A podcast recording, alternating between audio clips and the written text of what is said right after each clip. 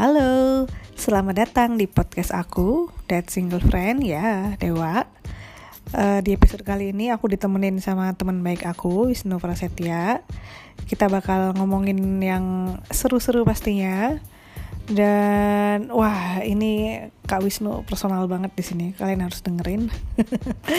Jadi jangan ke mana-mana ya. Stay tune. Nah, sekarang udah gabung ada Kak Wisnu Prasetya, Utomo. Eh, Utomo apa Utama, Kak Wisnu? Utomo. Utomo. Halo Kak Wisnu. Halo, Wak. Thank you banget Kak ya, udah mau join. Oke. Okay. Uh, cuman mau ngingetin, eh ngingetin, apa namanya? Menanyakan ulang. Kayaknya terakhir kita kontak-kontakan yang agak serius, maksudnya nggak nggak ngegalau bareng. dulu inget gak sih pernah nanyain Wisnu tuh bantuin dong topik tesis inget gak? Oh dulu, iya. dulu, zaman dulu banget. Zaman dulu banget. Ya. Uh, uh, uh, terus uh, oh ya kalau Kak Wisnu uh, akhirnya milih topik apa kalau boleh tahu kemarin tesisnya? Itu agak serius sih tapi uh, hmm? kira-kira bikin analisis berita-berita tentang uh, apa politik di Indonesia gitu lah tentang oh karena kan aku kan tentang ini kan di apa jurusanku di kajian media jadi aku mesti nganalisis uh, berita-berita gitu lah. Mm -hmm. Nah itu mm -hmm. aku spesifik ngambil tentang berita-berita tentang relasi antara media dan partai politik di Indonesia. Oh, kongres ya berarti sesuai dengan topik yang direncanakan, didukung sama pembimbing juga ya. oh, Oke, okay. inget nggak aku nanya topik apa waktu itu? Apaan ya? Lupa itu kayaknya nanyanya waktu musim dingin 2000 berapa? 2017 atau apa itu? Waktu itu kalau inget aku nanyain mendingan topik tentang BUMN atau lembaga pengelola dana pendidikan bla bla bla tapi akhirnya aku end up choosing yang BUMN. Oh, I see. Sorry ya, walaupun nggak nanya, walaupun nggak nanya aku jelasin. aku aku masih memproses apa ya dulu. Dewa itu nanya apa? Lupa banget soalnya. Iya. Oke, okay, terus uh, oh ya, minal aidin wal faizin. No, minal. maaf lahir batin. Oke, okay, maaf lahir batin. Sekarang lebarannya virtual. Mungkin aku Yes, mungkin aku sering reply-reply story dengan ledekan dimaafin ya. ya, nah, namanya udah biasanya sekarang ke ya, kembali ke Fitra, ya. Kosong-kosong. Besok juga udah ini lagi. Kosong-kosong. nah, terus uh, biasanya kan aku nanya gimana kabar dan rata-rata temenku tuh ngejawabnya ya baik normatif gitu jadi kali ini spesial kak Wisnu aku mau nanya kabar tapi aku yang nanya jawabnya cuman yes or no aja oke oke okay. kayaknya jebakan ini harus, okay. harus jujur okay. ya oke okay. oke dapat hamper lebaran nggak yes wow dapat pertanyaan kapan kawin uh, not yet terus dibangunin sahur sama orang spesial? Um, no. Ngebangunin sahur orang yang dianggap uh, spesial? No. Sedih banget ya. Sedih banget. Jadi aku bisa menyimpulkan Kak Wisnu layak aku dapat eh dapat nanti satu saat kita ketemu layak dapat cangkir teh hangat. Oke. Terus kalau nggak salah nih sekarang kesibukannya lagi jadi dosen ya Kak Wisnu ya di Universitas di Jogja. Mm-hmm. Ya lagi. Tapi ini lagi libur. Uh, sekarang udah libur semester sih karena dipercepat kan karena corona dan macam-macam ini dan tapi kemarin memang agak menyita banyak waktu lah, karena kan work from home-nya di kampus itu udah sejak uh, tengah Maret ya kalau nggak salah ingat itu terus ya udah habis itu hmm. mesti adaptasi buat kuliah online lah nyiapin jadi aku mesti belajar platform-platform online lagi apa dari Zoom dari Google Meet apa segala gitu karena kan oh. ya semua dipindah ke online gitu loh dan ya meskipun masih yeah. masuk generasi milenial tapi kan agak gagap ya jarang make apa platform yang online gitu buat kuliah gitu jadi ya kemarin agak menyita waktu banget sih Iya. buat belajar itu buat Boleh share nggak lagi lagi ngajar mata kuliah apa aja? Oh, semester ini aku ngajar tiga, eh, berarti semester kemarin ya karena udah Mhm. selesai. Ada Iya. komunikasi politik, terus Hmm? ada kelas kebijakan dan regulasi komunikasi, terus satu lagi kelas Wow. eh, manajemen media. Ya namanya Oh. ya, kaitannya nggak jauh-jauh dari eh, media. media udah ngalamin momen ini belum yang nggak berharap terjadi sih cuman yang aku dengarkan dari pengajar-pengajar yang masih relatif young itu sering eh, bertarung dengan egonya yang tersakiti ngerasain nggak kayak udah udah dapat momen itu belum Eh, kayaknya belum deh. Karena kan sebenarnya belum belum lama juga ya ngajar ya. Mungkin dari Aha. pertengahan tahun kemarin kan sebenarnya itu aku eh, oh iya iya ngajar di UGM itu jadi kayaknya belum banyak kerikil-kerikil kayak gitu yang eh, apa namanya di kampus tuh. Dan semoga enggak amin karena berbahaya buat stabilitas eh, emosi. iya iya iya udah siap ya Kanu untuk pembahasan-pembahasan Ayo aja siap-siap aja.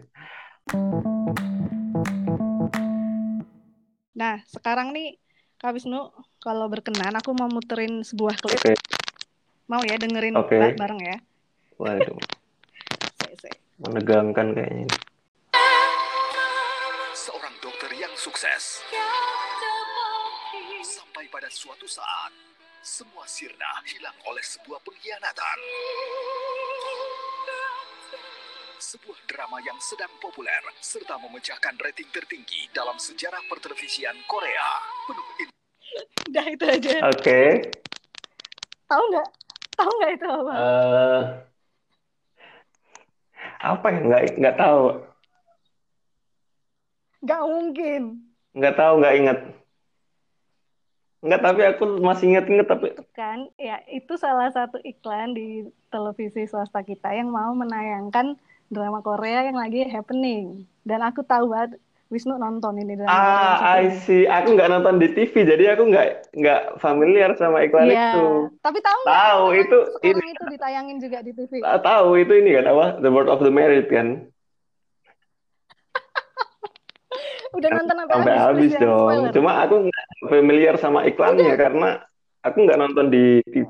Aneh banget. Eh, maaf. Iya, Nonton di bener. view kan nggak ada iklan-iklan Ya. gitu. Jadi apaan? Jadi itu diklaim rating tertinggi sepanjang drama Iya, Korea. Aku baru gitu. Korea. ah, ah. Ya, sebenarnya aku baru nonton 10 episode sih. Cuman yang aku agak tertarik dan pengen tahu pendapatnya Kak Wisnu. Di episode-episode awal itu kan si istri, si dokter Ji Hmm. ini terobsesi lah Hmm, ya untuk pengen tahu nih apa sih yang sebenarnya si suaminya lakukan ini kayak mencurigakan Hmm, gitu. hmm. Jadi dia kayak snooping handphone suaminya dan akhirnya me- membawa pada petunjuk-petunjuk lah yang terungkap bahwa si suaminya itu melakukan hal-hal yang nggak diharapkan. Tapi kalau Kak Wisnu sendiri pernah ngerasain nggak kalau lebih ke kayak privasi di antara teman terdekat atau di antara pasangan itu emang harus tetap dijaga boundariesnya. Hmm.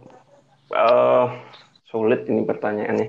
Eh, sebenarnya nggak kalau eh, dari konteks ceritanya Dokter Ji sama Lee Tae-oh itu pertama kalau soal privasi aku setuju meskipun pasangan kayak gitu tetap ada boundariesnya yang mesti apa garisnya itu jelas gitu. Nah cuma kan kemudian kalau ngomongin pasangan gitu boundaries itu mesti dibangun dengan apa ya dengan trust gitu loh dengan kepercayaan gitu. Jadi kalau nggak ada kepercayaan sulit juga untuk menuntut privasinya garisnya jelas gitu. Karena pasti namanya orang eh, berpasangan itu butuh kadang butuh eh, ngerti kan eh, pasangannya lagi ngapain atau mungkin lagi ada masalah apa dan itu kan kita bisa ngerti kalau kita percaya.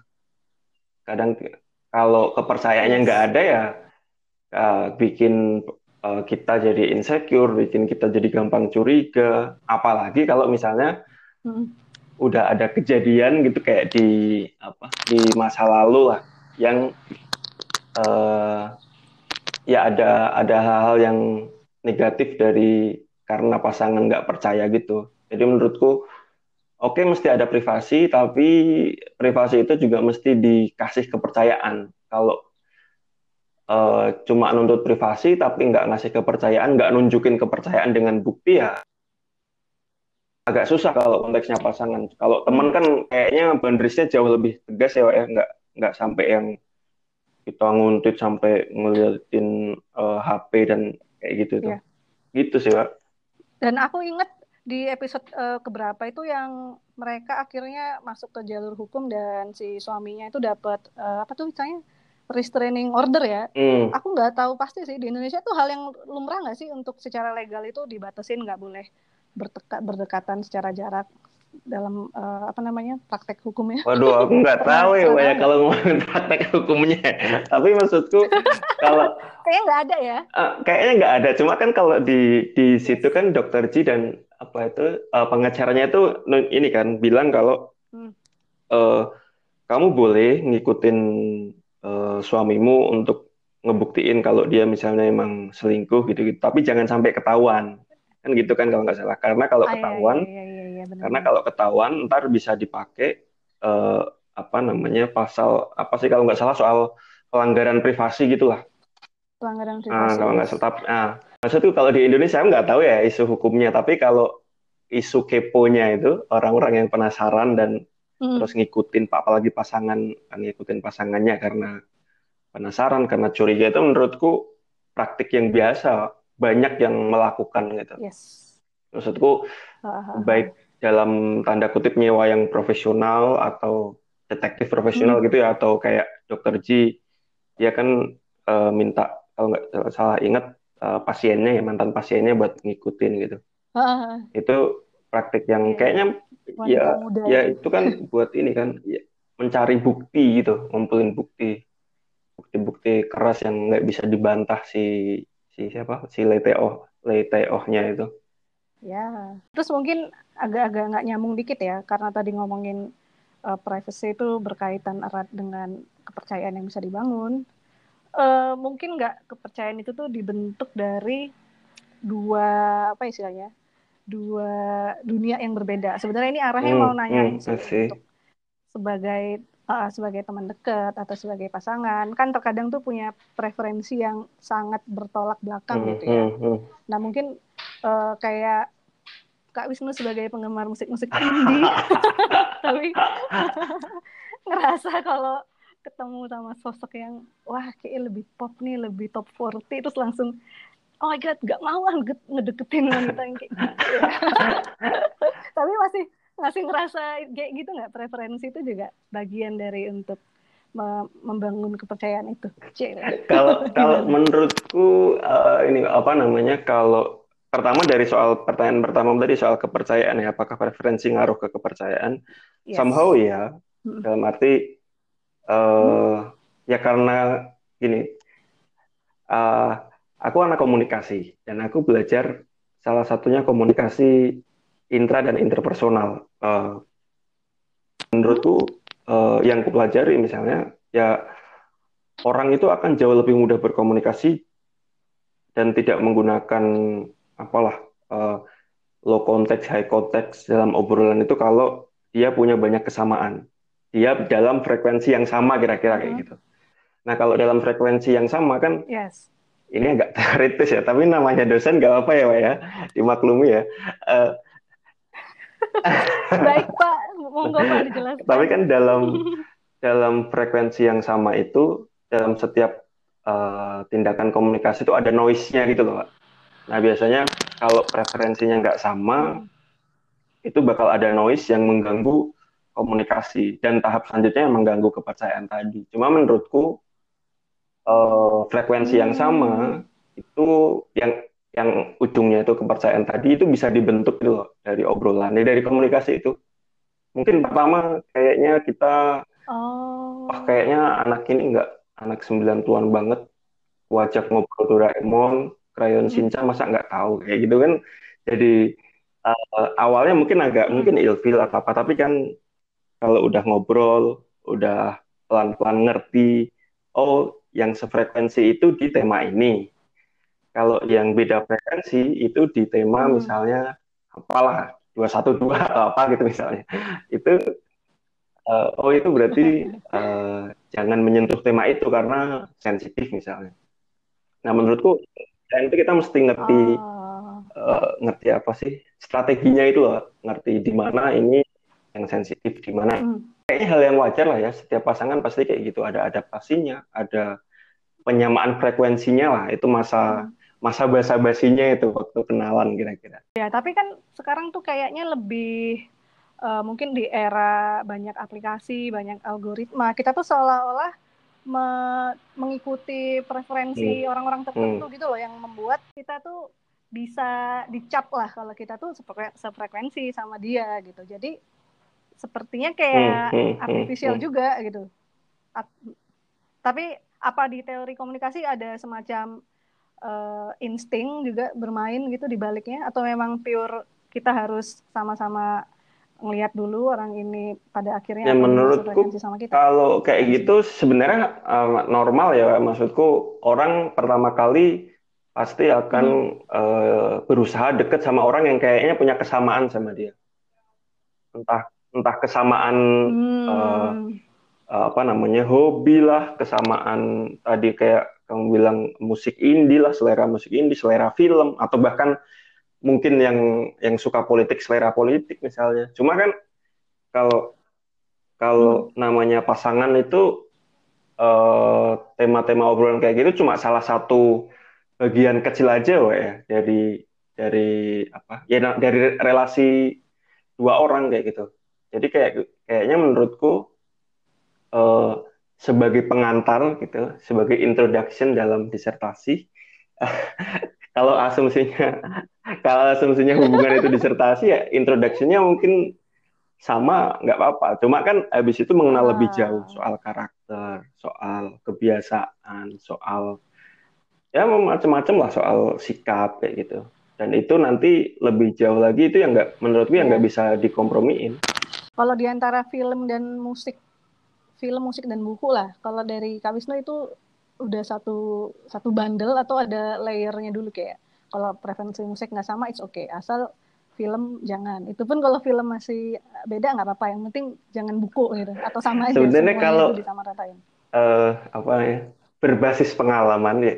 Berbasis pengalaman itu menurutku ha- ha- hal-hal kayak gitu tuh nggak ini Eh, ada ada tulisan ya kan masa aku ngomong berbasis teori nanti teorinya berbasis pengalaman Yes.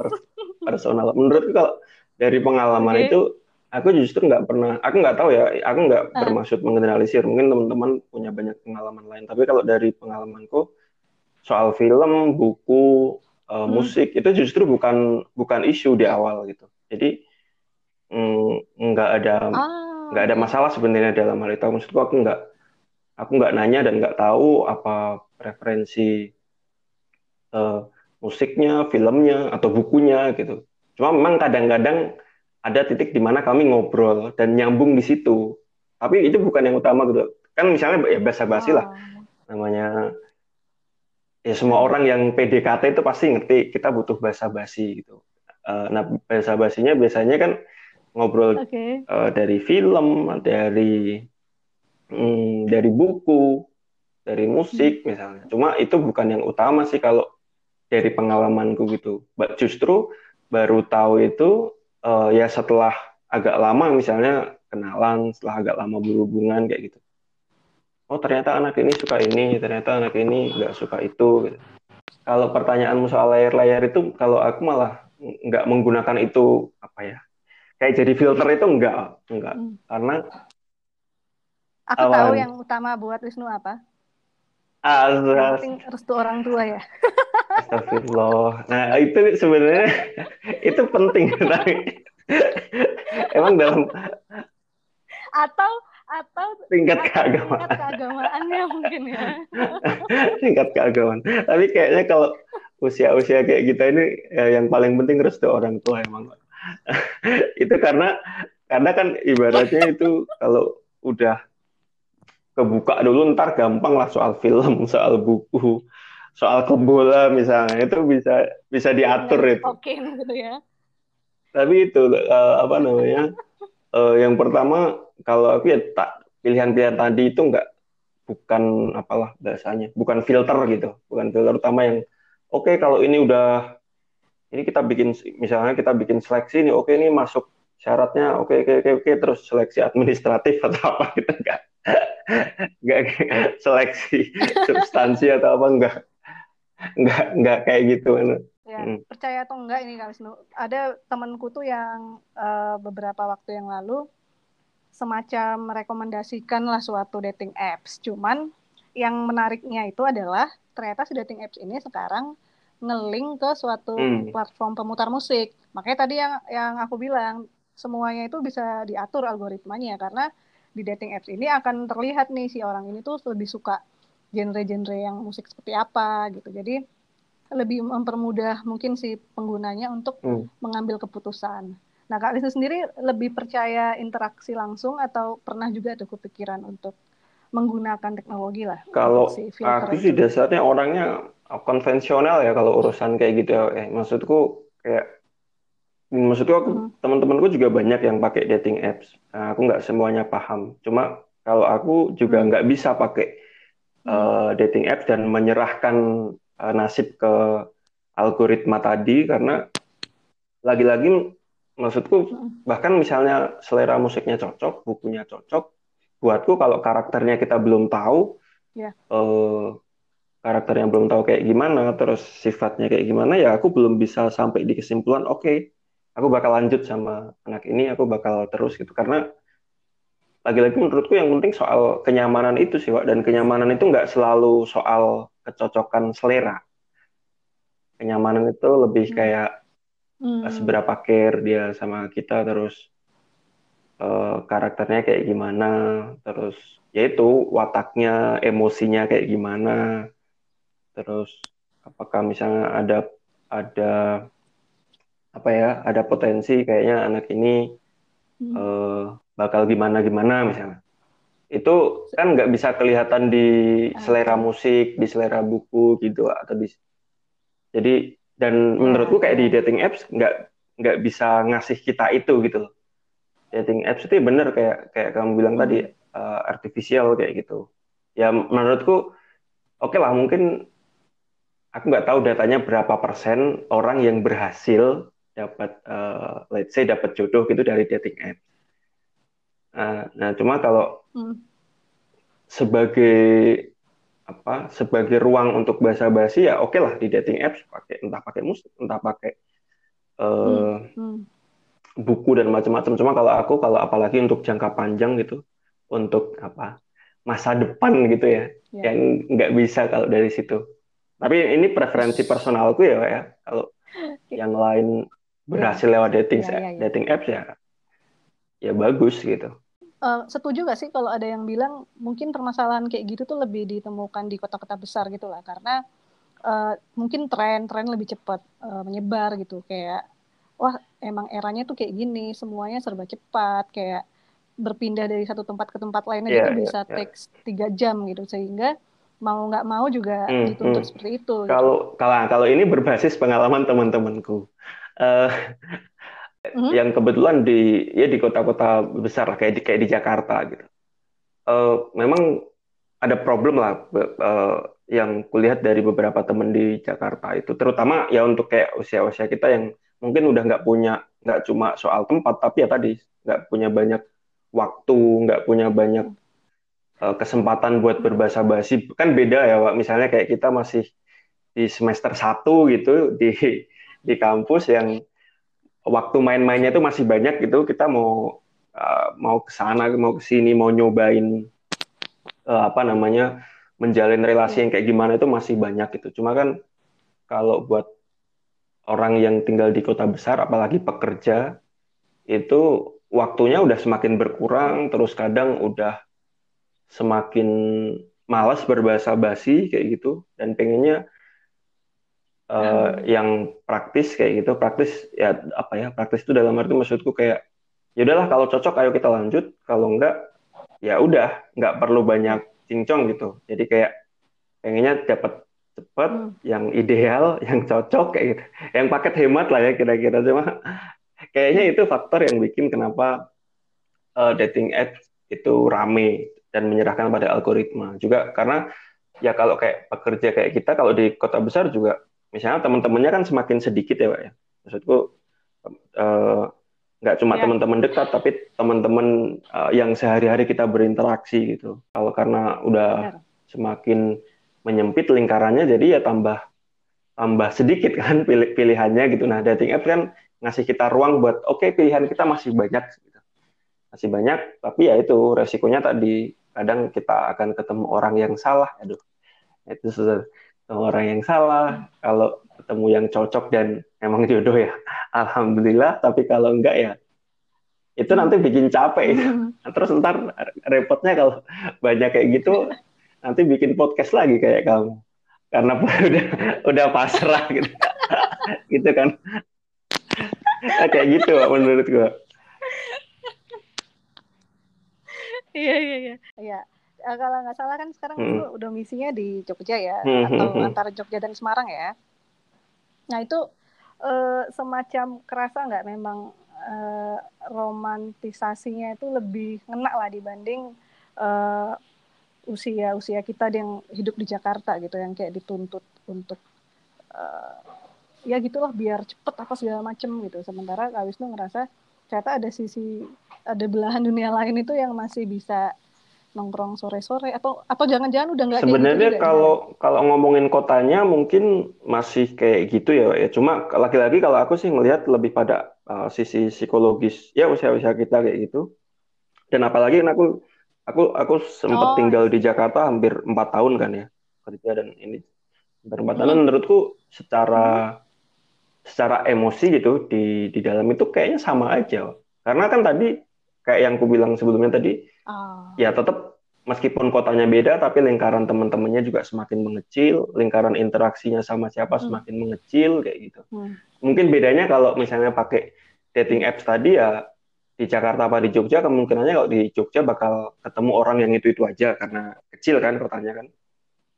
Kalau di Jakarta lebih Eh, lebih potensi ketemu orang yang berbeda itu jauh lebih gede gitu. Nah, cuma lagi-lagi menurutku faktornya itu kayaknya soal soal kitanya sih, soal diri kita sendiri mau ngelihatnya kayak gimana. Di Jogja pun sama aja sih, aku ngeliat banyak teman-teman yang aku nggak nyebutnya krisis ya, tapi nyebutnya ya ya memang ada ada fase kayak gitu, fase di mana kita udah semakin tua, aduh, semakin tua. Fase ya fa- fase-fase kayak gitu lah, fase yang di posisi kebingungan juga kan posisi kita ini sedikit lewat uh, quarter life crisis terus agak bingung mau ngapain juga dalam hal pasangan kayak gitu. Jadi ya mas sama aja menurutku nggak nggak tergantung dengan kotanya. Oke oke. Eh, terus mungkin kalau Mhm. soal preferensi lagi nih ya, Nu. Entah kenapa di interaksi sosial media itu aku melihat Kak Wisnu ini kayaknya Kenapa tuh? aku aku melihat eh, kayaknya karya-karya Orwell aja itu tuh membentuk karakter banget ya. Nah kalau kalau khusus untuk yang satu itu masih jadi eh, atau malah nggak nggak deal breaker sama sekali kalau ketemu sosok sosok orang yang nggak tahu sama sekali nggak nggak istilahnya nggak into eh, pembahasan yang lazimnya diomongin oleh karya-karyanya George Mhm, Orwell mhm, mhm. Kalau gimana? Aku kayak tadi, Pak, aku sebenarnya nggak nggak bakal menganggap buku itu hal yang penting untuk untuk ya tadi bahasa aku filter tadi Hmm. karena bahkan misalnya eh aku ketemu sama orang yang nggak nggak suka dengan buku pun menurutku nggak masalah selama misalnya karakter dan eh, sifatnya sikapnya itu cocok kayak gitu karena lagi-lagi menurutku buku buku ya tadi selera buku referensi eh, film, musik itu bukan hal yang utama sih. Kalau aku ngeliat yang penting ya ini cocok apa enggak dulu terus dari obrolan. Terus nanti obrolan itu bisa nyambungnya bisa di mana aja gitu, Pak. Bisa bisa di Ya. eh, buku lah, bisa di film, bisa di drama Korea tomat, di ya, apa kayak gitu. Hobi nanam pohon mangga. Aku nggak nggak terlalu nganggap penting yeah, yeah, yeah, yeah. kita bisa nyambung gitu. Uh, misalnya karena aku suka George Orwell terus aku bakal ngasih syarat mm -hmm.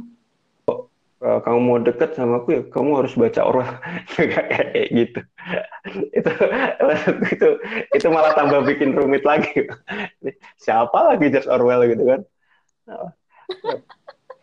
Tapi tanpa sadar bikin stereotip nggak ketika orang uh, nggak punya nah itu kayaknya yang yang menarik gini. aku kan uh, baca-baca berita itu kasusnya kalau kayak misalnya di Amerika itu hmm. orang itu nggak bisa berpasangan kalau yang satu liberal, yang satu konservatif.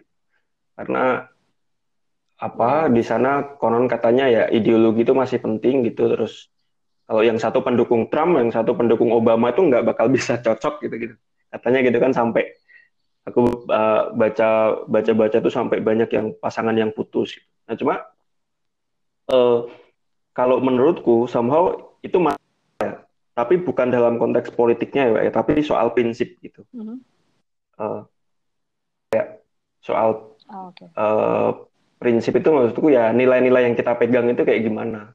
Karena kan lagi-lagi kalau misalnya kita pengen memulai hubungan yang nanti bakal diniati kayak gitu sampai uh, sam sepa sepanjang umur gitu ya mestinya prinsipnya ada yang nggak berbeda jauh lah. Prinsip itu ya nilai-nilai. Misalnya kalau dalam hal agama itu ya cara kita melihat agama itu kayak gimana. Menurutku itu yang lebih penting lah dibanding yang soal buku sama preferensi film tadi. Bahkan maksudku sampai uh -uh, ya, kayak misalnya hidup kalau general ya. uh, kamu nonton uh, before trilogi before itu before sunrise before sunset itu itu kan di nah kan si iya uh, Selin sama siapa cowoknya lupa namanya itu itu kan ah Jesse itu kan di awal itu kan bahkan Jesse. ngomonginnya banyak soal politik ya, Pak, ya, karena si Selin itu uh, aktivis juga dia ngomongin isu human right, dia ngomongin uh, situasi politik yeah. di Prancis kayak gitu. Aha. Nah, dari situ kan sebenarnya kelihatan misalnya pandangan sikap-sikap uh, politik dan atau yang lebih dasar itu ya prinsip-prinsip personalnya kayak gimana. Ya kalau misalnya aku misalnya nggak uh, setuju dengan teori konspirasi, tapi misalnya dalam ketemu sama orang yang hmm. uh, percaya teori konspirasi kan repot nggak nggak cocok gitu dan itu nggak cuma soal preferensi hmm. uh, personal uh, preferensi hmm. politik atau agama saja itu udah menyangkut soal ya tadi prinsip yang sangat mendasar tadi terus misalnya aku aku percaya kalau oh, okay. vaksin itu penting buat kesehatan kita gitu tapi ketemu orang yang nggak percaya vaksin kan repot tuh kalau nggak percaya vaksin gimana kalau nggak percaya vaksin hmm. nanti anaknya nggak divaksin repot karena isunya jadi kan repot ya. maksudku kayak jadi aku ngeliat uh, yang lebih penting tadi kalau berangkat dari pertanyaanmu tadi ya soal itu soal preferensi itu uh, dasarnya itu nilai yes. personal kita itu prinsip-prinsip itu aku belum nggak nggak tahu lah kalau misalnya soal keluarga hmm. itu tapi itu hal yang penting juga sih soal keluarga kecocokan keluarga terus ya tadi soal menurutku soal yang yang kamu bilang di depan tadi soal restu orang tua itu juga katanya mungkin sama prinsip ya. Ya kan di Instagram ya Kak Wisnu sering nge-share kucing gitu. Tapi kalau orang yang lebih dokter hmm, menurutku nggak ada masalah sih. gak? aku dasarnya itu mau kucing mau anjing mau ayam mau apa apa melihara ikan atau burung gitu. menurutku nggak ada masalah maksudku itu kan sebenarnya bukan uh, bukan kucingnya atau anjingnya atau ikannya atau apa ya tapi ya itu karakter karakter orangnya kan memang apa pun apa pun yang dipelihara itu kan sebenarnya ya. nunjukin hal yang sama bahwa dia care hmm. bahwa dia peduli kayak gitu dan menurutku itu yang lebih penting sih Oh, itu, itu langsung plus karena ya, ya kalau kucing sama apa kucing atau anjing aja dirawat kayak gitu, dikasih makanan mahal-mahal, dikasih makanan mahal-mahal, apalagi orang apalagi kamu gitu iya, ya, kayak gitu menurut gue. Nah. Oh, oke okay, oke okay, oke. Okay. Terus, nah ini kita kayaknya udah Oke, eh, oke. mungkin agak cooling down dikit ya, tapi tetap pengen eh, pengen tahu juga nih Kak Wisnu kan Mm-mm. punya podcast juga nih. Kalau nggak salah, cie, tahu kok tahu, bukan kalau nggak salah lagi ah. tentang tentang media dan jurnalisme ya. Aku denger sih kayaknya udah hampir 12-an episode sih. Karena eh, to the point, cepet Ah, ah. juga, durasinya nggak terlalu lama, aku suka. Eh, kenapa kemarin milihnya tentang media dan Eh, jurnalisme? kalau aku kemarin lebih karena ini, Pak. Eh, apa namanya? Eh, karena ah, aku aku pengen dengerin podcast yang isunya soal media. Tapi di di Indonesia yang se- sebagian besar kan Hmm. podcast itu produksinya masih di Jakarta. Aku ngelihat belum banyak. Terus kalau aku lihat yang paling banyak itu Hmm. eh, obrolan-obrolan ala anak-anak Jakarta gitu, anak-anak Jaksel apalagi terus. Dan aku kadang nggak nyaman kan ngedengerin itu. Terus, wah kayaknya aku butuh nih. Dan sebenarnya kayak Hmm. aku butuh dengerin eh, podcast tentang itu Mhm. dan kayaknya karena belum ada ya udah aku coba produksi kayak gitu dan responnya terutama kebanyakan banyak mahasiswa komunikasi Wak, ternyata ya karena isunya agak serius ya Ya, maksudku iya, kayak iya, iya, iya. karena isunya agak serius ya ya Hmm. ya udah dan banyak respon positif terutama dari teman-teman mahasiswa komunikasi jadi ya, ya waktu itu aku lanjutin gitu Hmm.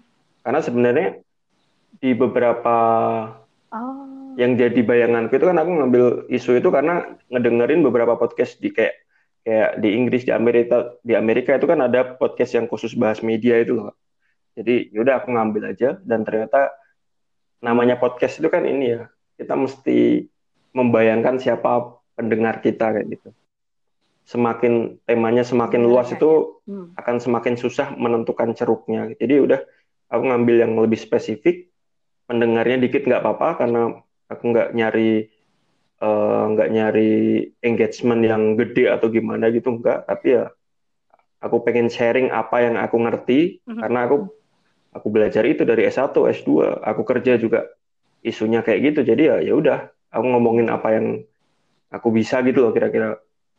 Jadi ya udah meskipun ya udah dari Desember itu lagi libur ya ya karena ya banyak inilah banyak gangguan di kerjaan di kantor gitu dan jadi sementara masih libur dulu. Ya, makin bikin, ya, makin ntar kayaknya kalau penasaran. udah habis lewat tengah tahun itu mungkin Juli Agustus mungkin rencananya bakal kelanjutin lagi sih buat season kedua. Iya. Es, ditunggu, ditunggu. No. Nah, sedangkan, eh sorry, maksudnya eh, isu media dan jurnalisme ini kalau di Indonesia apa masih dibilang isu elit gitu? Karena menurutku pada faktanya anak anak muda zaman sekarang kan lebih suka yang eh, lifestyle, pop culture gitu. Ada ada kesulitan nggak kemarin waktu mau Iya, uh, uh, ambil ada isu ada ada kesulitan sih sebenarnya eh, ketika mulai podcast kemarin karena la- lagi-lagi juga aku nggak punya pengalaman jadi host di radio dan rencananya kan sebenarnya awalnya itu kayak mau wawancara gitu loh. Konsepnya mau wawancara wartawan atau peneliti atau atau eh, dosen-dosen yang concern dengan isu media dan jurnalisme. Cuma lagi-lagi karena apalah ya bahasa aku masih cek ombak gitu ya udah aku belum bisa karena butuh effort yang lebih kan kalau untuk Mhm. wawancara dan macam-macam gitu butuh ngatur janji dan macam-macam ya udah akhirnya aku produksi dulu sebisanya dan ngelihat responnya kayak gitu mungkin yang wawancara eh, apa konsep wawancara itu bakal aku bikin di season 2 kayak gitu. Jadi uh, meskipun memang kemarin ya tantangannya Ya, hmm. ya tadi karena nggak punya pengalaman terus aku ini kan tipikal orang apa orang yang kalau ngomong itu serius gitu loh. Dan eh, serius itu maksudku kayak Oh, eh, nggak bisa banyak ngasih jokes nggak bisa eh, nggak bisa kayak anak jaksel lah kayak gitu yang yang apa nyampur-nyampur bahasa Indonesia bahasa Betawi sama bahasa Inggris itu langsung dalam hitungan detik itu bisa nyampur macam-macam gitu karena nggak bisa kayak gitu Oh. jadi kayak ya udah aku aku uji coba dulu nggak bisa banyak makanya benar kayak yang kamu bilang to the point dan Iya. karena yang nggak bisa basa-basi Hah? nggak bisa coba ditingkatkan lah pengguna Ya. penggunaan.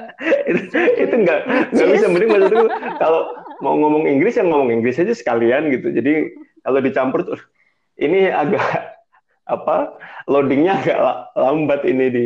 Ya jadi kayak eh ya udahlah karena nggak bisa ngelihat kelemahan kayak gitu ya udah coba dulu. Eh ternyata ya meskipun dikit ya ceruknya maksudnya tadi anak-anak eh, komunikasi Hmm. juga beberapa teman-temanku yang wartawan ternyata juga Hmm. suka ya ya udah oke berarti kira-kira pendengarnya ya udah ini aja ceruk ini aja kalau nanti misalnya eh, pendengarnya Hmm. meluas ya alhamdulillah kalau enggak ya nggak apa-apa karena mm, niatnya emang cuma pengen sharing gitu aja Hmm. ya karena tadi udah ngobrolin maksudnya udah ngasih tahu keseriusannya mungkin jadi penasaran juga sih ngobrolin ini ya Eh, kalau aku sih mungkin ngerasanya pembicaraan media dan jurnalisme ini kayaknya tuh di event pemilu 2019 ya Mm-mm, lebih eh, masif gitu loh pembahasan apalagi kalau yang aku rasain ada semacam era di mana Iya, iya. opini dan pemberitaan itu jadi blur gitu ya Kak Wisnu. Itu hal yang Iya, kalau- hal, hal kalau yang menarik juga nggak buat Buatku itu menarik banget, Wak.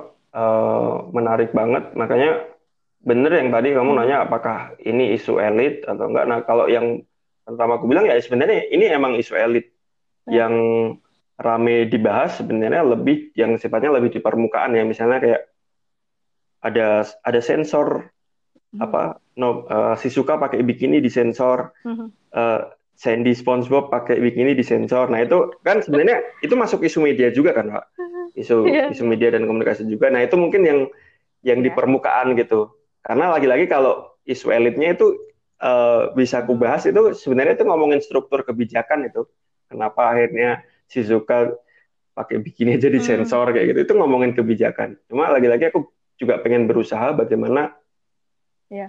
eh, ngomongin yang serius, yang elit itu bisa didengerin orang-orang dan bikin orang-orang bisa tertarik kayak gitu. Aku nggak tahu sih apakah eh, sepanjang podcastku yang season pertama kemarin itu udah mencapai itu atau belum karena aku nggak nggak bisa ngukur kan.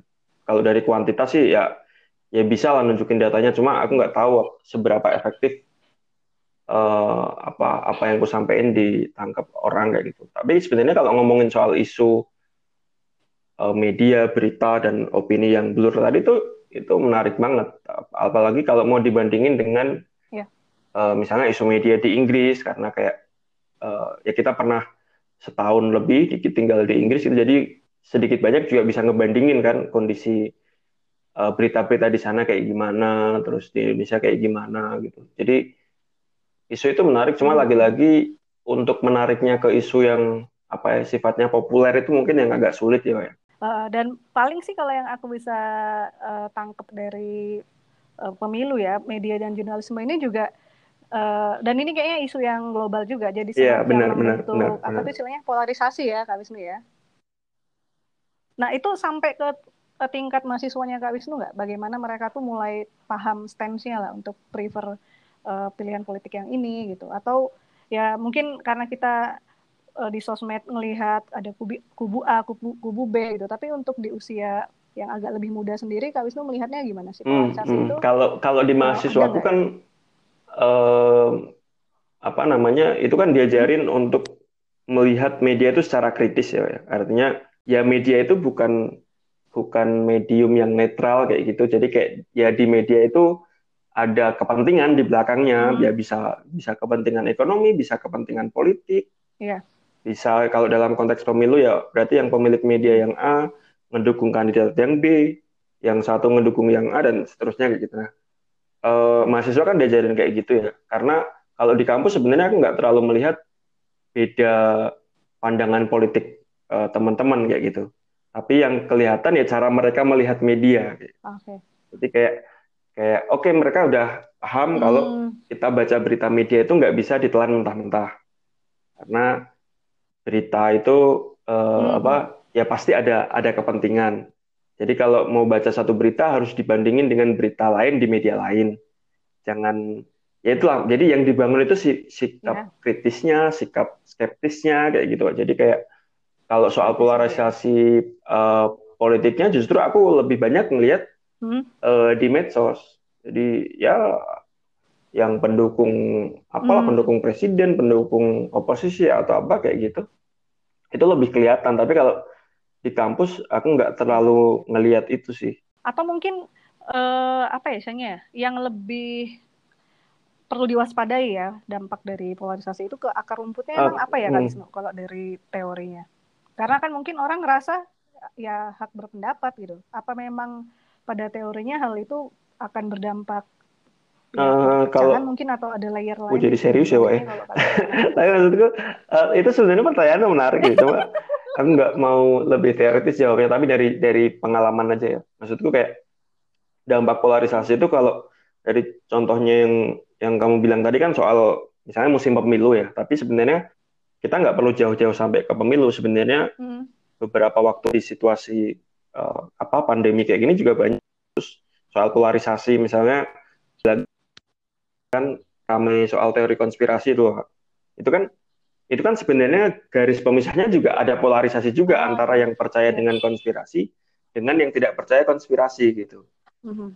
dan itu kan kadang juga dampaknya real itu bisa berbahaya misalnya buat eh, tenaga kesehatan kayak gitu yang setiap hari ada di front line terus mereka yang Oke. eh, benar-benar berhada- berhadapan dengan virus secara langsung karena ngobatin pasien sementara yang para penyebar teori konspirasi ini enak banget bilang bahwa ini nggak ada itu corona ini konspirasi Bill Gates atau siapa kayak gitu yang kayak dibilang ini kemarin itu.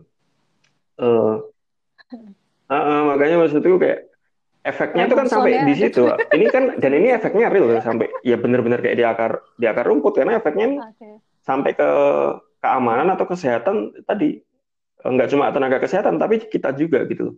Bayangin kalau orang percaya beneran bahwa corona itu konspirasi terus eh, ah, enggak kok nggak ada corona itu konspirasi terus beneran dong orang-orang keluar misalnya ke mall ke mana terus ada yang kena kan nanti itu dampaknya itu real gitu loh. Nah menurutku itu kayak jad- itu awalnya juga efek dari soal polarisasi tadi. Ini kalau konspirasi ini efeknya ke ya, nyawa orang gitu, Hmm. kesehatan orang gitu. Iya. Jadi bisa fatal kalau misalnya media ngasih panggung Iya. buat orang yang percaya teori konspirasi gitu. Oke. Ya, apalagi mungkin orang nggak dapat akses untuk bisa memilah-milah mana yang eh, pemberitaan yang ya mungkin era sekarang juga pembenaran kebenaran itu dipertanyakan juga ya kan ya. Tapi at least ketika orang bisa memilih dan untuk memfilter lah pemberitaan itu suatu suatu apa ya langkah baik lah gitu ya. Benar, benar. Mm. Karena apalagi kayak lagi-lagi kalau kayak sekarang kan orang itu butuh informasi yang jelas gitu loh, butuh kepastian lah gitu loh, Yes. Kayak yang tadi. Nah, kepastian itu kan kalau nggak ada misalnya media media-media gede yang ngasih kepastian kayak Heeh. ya tadi kayak ini ya yang ngisi kepastian ngasih kepastian itu ya tadi yang orang-orang bikin teori konspirasi tadi. Ya, lebih Nah, kan dipercaya bahaya opini tuh. ya, apalagi kalau opininya itu eh, preferensi yang sama dengan kita itu mungkin malah Iya, padahal itu kan info. ini kan ngasih ngasih harapan palsu gitu. Jadi kayak ya gitulah. ya, tapi Eh, nggak bahayanya tuh real. tapi nggak merasa pesimis ya dengan kondisi masyarakat. Ya, maksudnya tetap percaya lah bahwa mungkin kayaknya beberapa kota udah lebih kritis ya untuk pemilihan pembacaan berita. Iya pesimis, pesimis sih pesimis nggak pesimis ya, Pak. Hmm. Karena eh, ya kadang emang kondisinya sulit sih kayak kita ini sebenarnya di apa kondisi kayak gini kan kadang juga media sosial tuh kayak jadi ruang pertarungan gitu loh. Jadi Iya, emang ada orang-orang yang punya kepentingan buat nyebarin eh, teori konspirasi. yes. Nah, tinggal bagaimana orang-orang yang misalnya eh, masih cukup waras gitu untuk kemudian melakukan counter, Hmm. ya untuk melakukan apalah kalau bahasaku ngasih narasi alternatif kayak Hmm. gitu ya tetap bisa jadi apa melakukan ini apa mainstreaming gitu mainstreaming Hmm. isu yang sehat di media sosial. Memang wah, kerja berat sih tapi ya ya dibikin kayak netizen aja lah santai gitu. Soalnya kalau kalau serius banget ya ya gimana Ya, susah kalau- juga. Benar-benar. Wow, luar biasa ini pembahasannya. No. Jadi serius, kirain, kirain ngomongin dokter Ci tadi. eh, tapi yang ini santai kok. Kemarin uh, Wisnu sempat viral ya di Twitter. Jadi karena nggak sengaja, sengaja apa nggak sengaja tuh mengartikan rak-rak buku itu loh. Uh, uh, dan sampai uh, dikutip ya di salah satu pemberitaan media online. Uh, uh, uh ya itu apa emang karena iseng atau emang menjiwai banget? Suatu rak buku itu beneran bisa ditafsirkan. Itu itu sebenarnya ini aja sebenarnya lagi gabut aja kan. Terus aku kan ya karena ini kan dan kukira pengalaman kolektif kita selama masa uh, apa masa corona ini kan ya sering rapat online ya yeah. terus dapat online either kita ya? Uh, either atau bahkan nggak nggak rapat loh tapi bahkan reunian sama teman-teman kayak gitu iya. itu either kita pakai background asli yang itu kelihatan uh, aslinya kita kayak gimana hmm, atau ya, kadang uh, dikasih background virtual background gitu nah nah yang aku uh, sempat kepikiran itu kok banyak ya yang uh, backgroundnya buku. Nah, aku juga salah satu yang kalau rapat atau ada diskusi itu pakai background rak buku kan. Jadi kayak, ah ya udahlah aku coba merhatiin gitu. Terus, oh iya banyak banget. Terus kan emang awalnya kan aku yang aku lihat itu uh, wawancara atau talk show, presenter sama uh, tamunya kayak gitu. Cuma kan ke kemudian aku juga gak ngira sih itu rame di Twitter karena emang beneran iseng gitu. Emang beneran iseng terus eh ternyata ada yang respon, ada banyak yang mention apalah gitu. Terus wah, kok rame ya. Jadi apa maksudku kayak oh berarti ini jadi pengalaman kolektif terus orang-orang juga punya hal apa pikiran yang sama gitu loh karena responnya oh iya bener juga ya oh iya bener juga ya gitu ya, jadi nggak ada niat serius ya. terus apa namanya yang aku juga nggak bisa kan baca karakter dari buku itu nggak aku nggak bisa nggak nggak punya ilmunya lah Iya, dan Kak Wisnu kalau udah kepikiran bikin background rak buku tuh udah cocok loh jadi CEO BUMN. gitu ya. Karena banyak yang ini ya, yang pakai rak buku ya buat backgroundnya. Iya. Eh, terus mungkin mau ditutup juga, tapi boleh kasih tahu Kak Wisnu masih prefer buku yang printed copy atau digital? Kalau aku masih tetap yang printed, yang masih yang cetak karena hmm? apa? megang sama bau itunya itu nggak bisa digantiin itu loh. Iya, iya, ya iya. mungkin inilah ya masih meromantisasi Iya. Apa kecuali, kecuali setiap beli uh, apa tuh readernya ada bonus spray wangi. Uh, uh, uh, uh. itu yang repot. Nah, uh, cuma emang kalau aku gini pak, kalau kalau uh, mungkin kalau kayak kita yang misalnya pernah agak lama di di luar negeri itu akses buku kan gampang ya di sana ya. Mm-hmm. Nah, cuma kalau di kita kan sekarang e, mau beli buku, terutama buku-buku impor itu kan susah ya, susah dan ongkos kiri, kirimnya kadang jauh lebih mahal gitu. Mm, Jadi kayak kalau aku sekarang ya mencoba nyimbangin sih kalau aku beli, aku timbang-timbang ternyata lama waktunya, mending aku iya. ber, e, beli versi Kindle-nya gitu. Yes. Karena aku aku ada Kindle juga kan dan maksudnya berusaha untuk uh, coba baca dari dari gadget gitu loh. Hmm. Meskipun ya tadi kalau preferensi ini ya tetap yang cetak, cuma berusaha adaptasi lah biar ya lebih praktis. Ya kalau kayak kita kan dulunya kayak di Inggris kan gampang, banyak toko buku banyak, kalaupun mau beli online di Amazon juga cepat gitu. Hmm. Kalau di kita sekarang di dari Indonesia lama, lama ongkos kirimnya mahal, belum apalah kalau banyak ntar mungkin kena pajak atau apa. Ya, betul. jauh lebih repot itu. Kak Wisnu luar biasa. Udah banyak banget. Dan uh, gimana nih Kak Wisnu? Mungkin kalau boleh kasih penutup lah sebelum kita akhiri podcast kali ini kalau penutup apa ya? Kata-kata mutiara gitu kali ya? Kata-kata mutiara. Kata-kata mutiara. Oh kata-kata mutiara, mutiara uh, Kak Wisnu ini single, boleh dicek. anu apa namanya? Single but not available. Wow.